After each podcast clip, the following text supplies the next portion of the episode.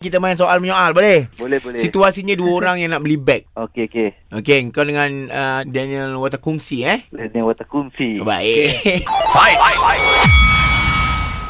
Kita nak pergi mana? hmm. Apa dia? Kita nak pergi mana? Ah, Kau ulang buat apa tu aku menyampang dengan kau ni?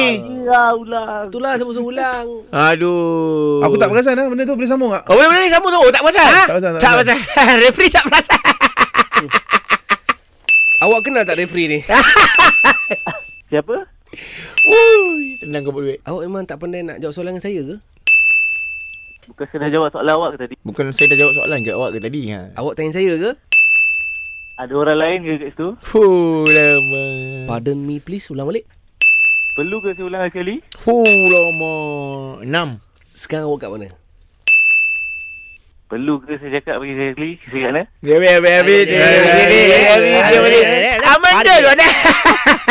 Balik lain dah. Aduh. Kau dua kali dah kau ulang. Aku perhati perangai kau ni. Aduh. Dah Kali tujuh. okey. Dua kali referee tak nampak, tu sabar jap. Eh, saya, saya, saya nampak. Yang ini saya perasan. Ah, ini awak nampak, eh? Ah, ini saya Okey. perasan. Jadi sekarang ni Dan kau terpaksa umumkanlah kemenangan Daniel, okey? Betul. Silakan. eh. Daniel. Daniel. Ya. You wait. Yahoo!